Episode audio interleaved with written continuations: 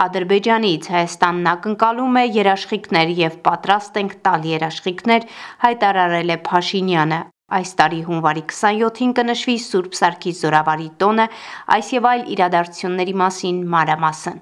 Պաշտոնական Երևանը ողջունել է Ֆրանսիայի Սենատի օրերս ընդունած բանաձևը։ Փաստաթղթով ֆրանսիացի օրենսդիրները կառավարությունից պահանջում են պատժամիջոցներ կիրառել Ադրբեջանի դեմ հնարավորություններ ստեղծել Արցախահայերի Լեռնային Ղարաբաղ վերադառնալու համար, ինչպես նաեւ կոչ անել Բաքվին դուրս բերել ադրբեջանական ուժերը Հայաստանի Հանրապետության ինքնիշխան տարածքից։ Վիեննայում Հայաստանի արտգործնախարար Արարատ Միրզոյանի մասնակցությամբ տեղի ունեցել եվրոպական երկրներում Միացյալ Նահանգներում եւ Կանադայում հավատարմագրված Հայաստանի դեսպանների, ինչպես նաեւ միջազգային կազմակերպությունների ներկայացուցիչների հանդիպում, ասված է արտգործնախարարության հայտարարությունում, նախարարը իր ելույթին հաջորդել է քննարկում հարավային Կովկասում արկա իրավիճակի խաղաղության օրակարգին, կայունության հաստատման ուղղված ջանքերի, Հայաստանի երկկողմ ու բազմակողմ օրակարգին լայնման հերանեկար նկարի վերաբերյալ։ Հայաստանի փոխվարչապետ Մհեր Գրիգորյանը հարավային Կովկասի եւ Վրաստանում ճգնաժամի հարցերով Եվրամիության հատուկ ներկայացուցիչ Տոյվո Կլարի հետ քննարկել է տարածաշրջանային զարգացումները ներկայացրել խաղաղության խաչմերուկ նախագիծը, որով հստակ նկարագրվում է տարածաշրջանում տրանսպորտային եւ այլ ենթակառուցվածքային կապերի, ապա շրջափակման հերանեկարը, կառուցվածքը, տրամաբանությունը եւ հիմնական սկզբունքները։ Զրուցակիցները քննարկել են նաեւ սահմանազատման գործընթացի սկզբունքների եւ իրավական հիմքերի վերաբերյալ հարցեր։ Արցախի ժողովրդի հիմնարար իրավունքների պաշտպանության հարցերով հանձնախումբ է ստեղծվել, որի նպատակը հավաքական հայրենադարձության եւ հիմնարար այլ իրավունքների պաշտպանությունն է։ Հանձնախմբի աշխատանքների համակարգումն իրականացնելու է նախկին արտգործնախարար Վարդան Օսկանյանը։ Ըստ հայտարարության հանձնախմբի գլխավոր խնդիրը լինելու է միջազգային երաշխիքներով Արցախի ժողովրդի հավաքական հայրենադարձության եւ իր հայրենիքում ապահով անվտանգ ու արժանապատիվ ապրելու իրավունքի պաշտպանությունը եւ եւ հետապնդումը։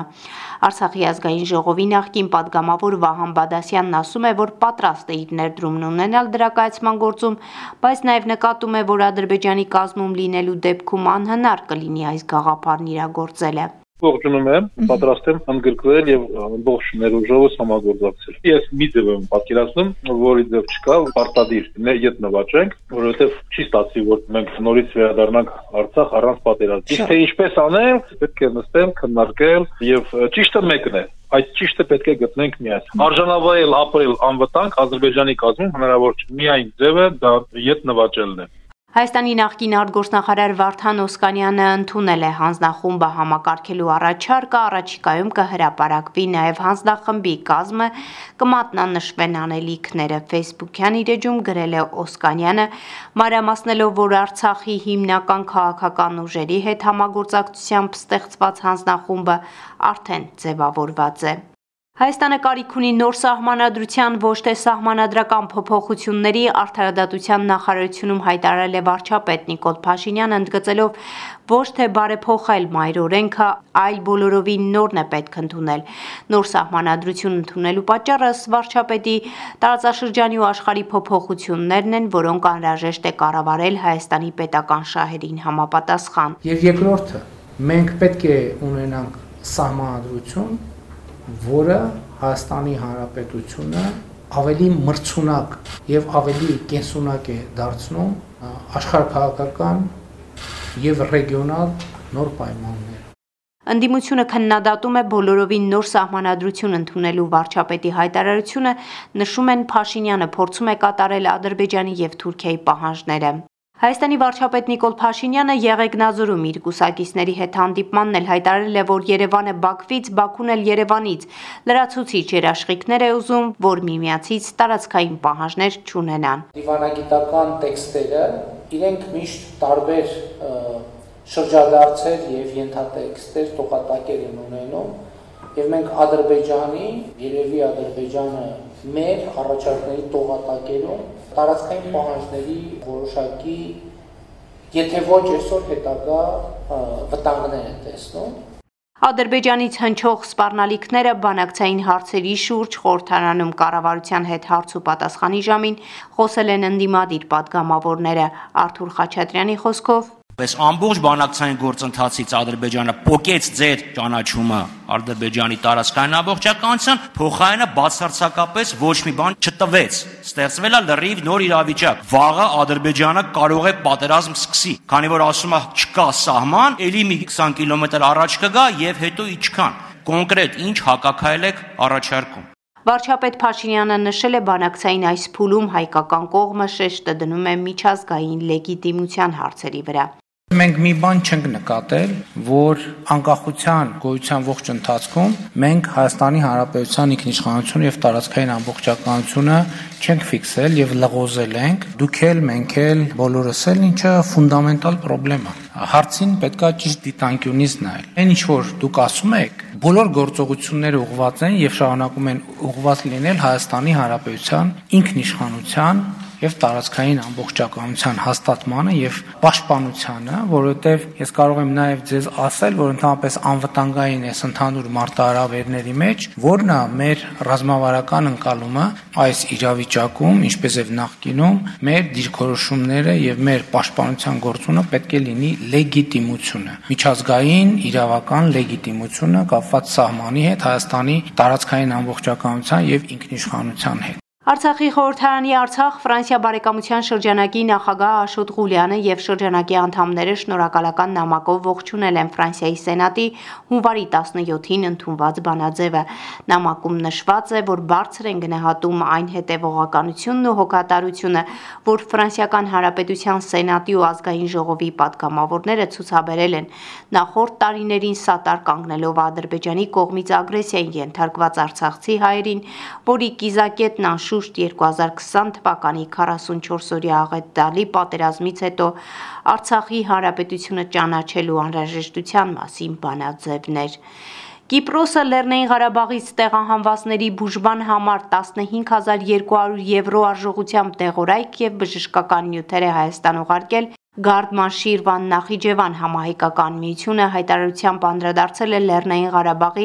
Հաթերք գյուղի գերեզմանատանը իրականացված ադրբեջանական վանդալիզմին,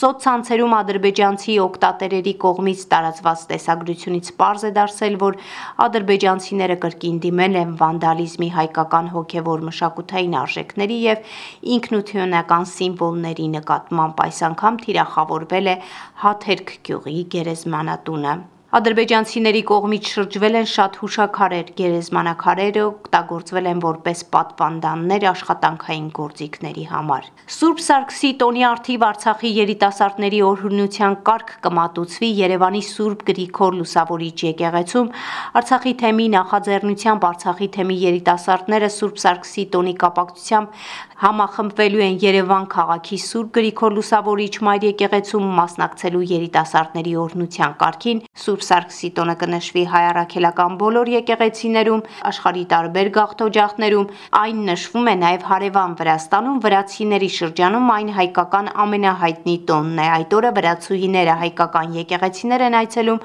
աղաբլիթ ձեռք բերելու, բացի այդ Վրաստանում այս օրերին ուժգին քամիները կապում են հենց Սուրբ Սարգսի տոնի հետ, նշելով, որ սիրո քամին է փչում։ Հատկանշական է, որ Վրաստանի սիրո քաղաք համարվող Սիղնաղի քաղաքում դարեր շարունակ նշվում է Սուրբ Սարգսի տոնը։ Զրուցակիցները Սիղնաղի բնակիչներ են պատմում են իրենց նախնիները հայ են եղել, եկել են Սիղնաղի եւ այդ տոնը նշելու ավանդույթը շարունակվում է մինչ օրս։ Մենք այդ օրը փողինձ ենք պատրաստում, վրացական ճաճա է լինում սեղաններին, Այս տարի հայարակելական եկեղեցին Սուրբ Սարգիս Զորավարի հիշատակության օրը կտոնի հունվարի 27-ին Սուրբ Սարգիսը հայ ժողովրդի ամենասիրված սրբերից է, այս տոնը Հայաստանում ընդունված է նշել ոչ միայն եկեղեցական ծեսով, աղոթքով, այլև ժողովրդական սովորույթներով, Կարեգին երկրորդ հայրապետի տնօրինությամբ Սուրբ Սարգիս Զորավարի տոնը հրճակված է երիտասարդների օրհնության օր։ Տոնին նախորդող գիշերը երիտասարդներն աղի բլիթ են ուտում, որի հետ կապում են իրենց փեսացուի կամ հարսնացուի երազհայտնությունը։ Այդ օրվա հիշատակելի սովորություններից է փողինդով մատուցարանը դնել տանտանիքին կամ պատշկամբին եւ սпасել Սուրբ Սարգիս զորավարի ձիու պայտի հետքին։ Երիտասարդները տոնի արթիվ միմյանց բացիկներ եւ քաղցրավենիք են նվիրում Տեր Եսայի քահանա Արթենյանի խոսքով Պտուղները մենք քաղում ենք մանավանդ, որ դրանից հետո էլ մենք տեսնում ենք այնպիսի արձագանքներ, որ Սուրբ Սարգսի բարեխոսությամբ այսպիսի հրաշք կամ այսպիսի մի կարևոր իրադարձություն տեղի ունեցավ մեր կյանքում։ Սուրբ Սարգսի տոնին երիտասարդների եւ զինվորների օրհնության կարգ կկատարվի։ Այսքանը անցաչափաթվա իրադարձությունները SBS-ի հայկական ծառայության համար ամփոփեց Գիտալի Բեկյանը։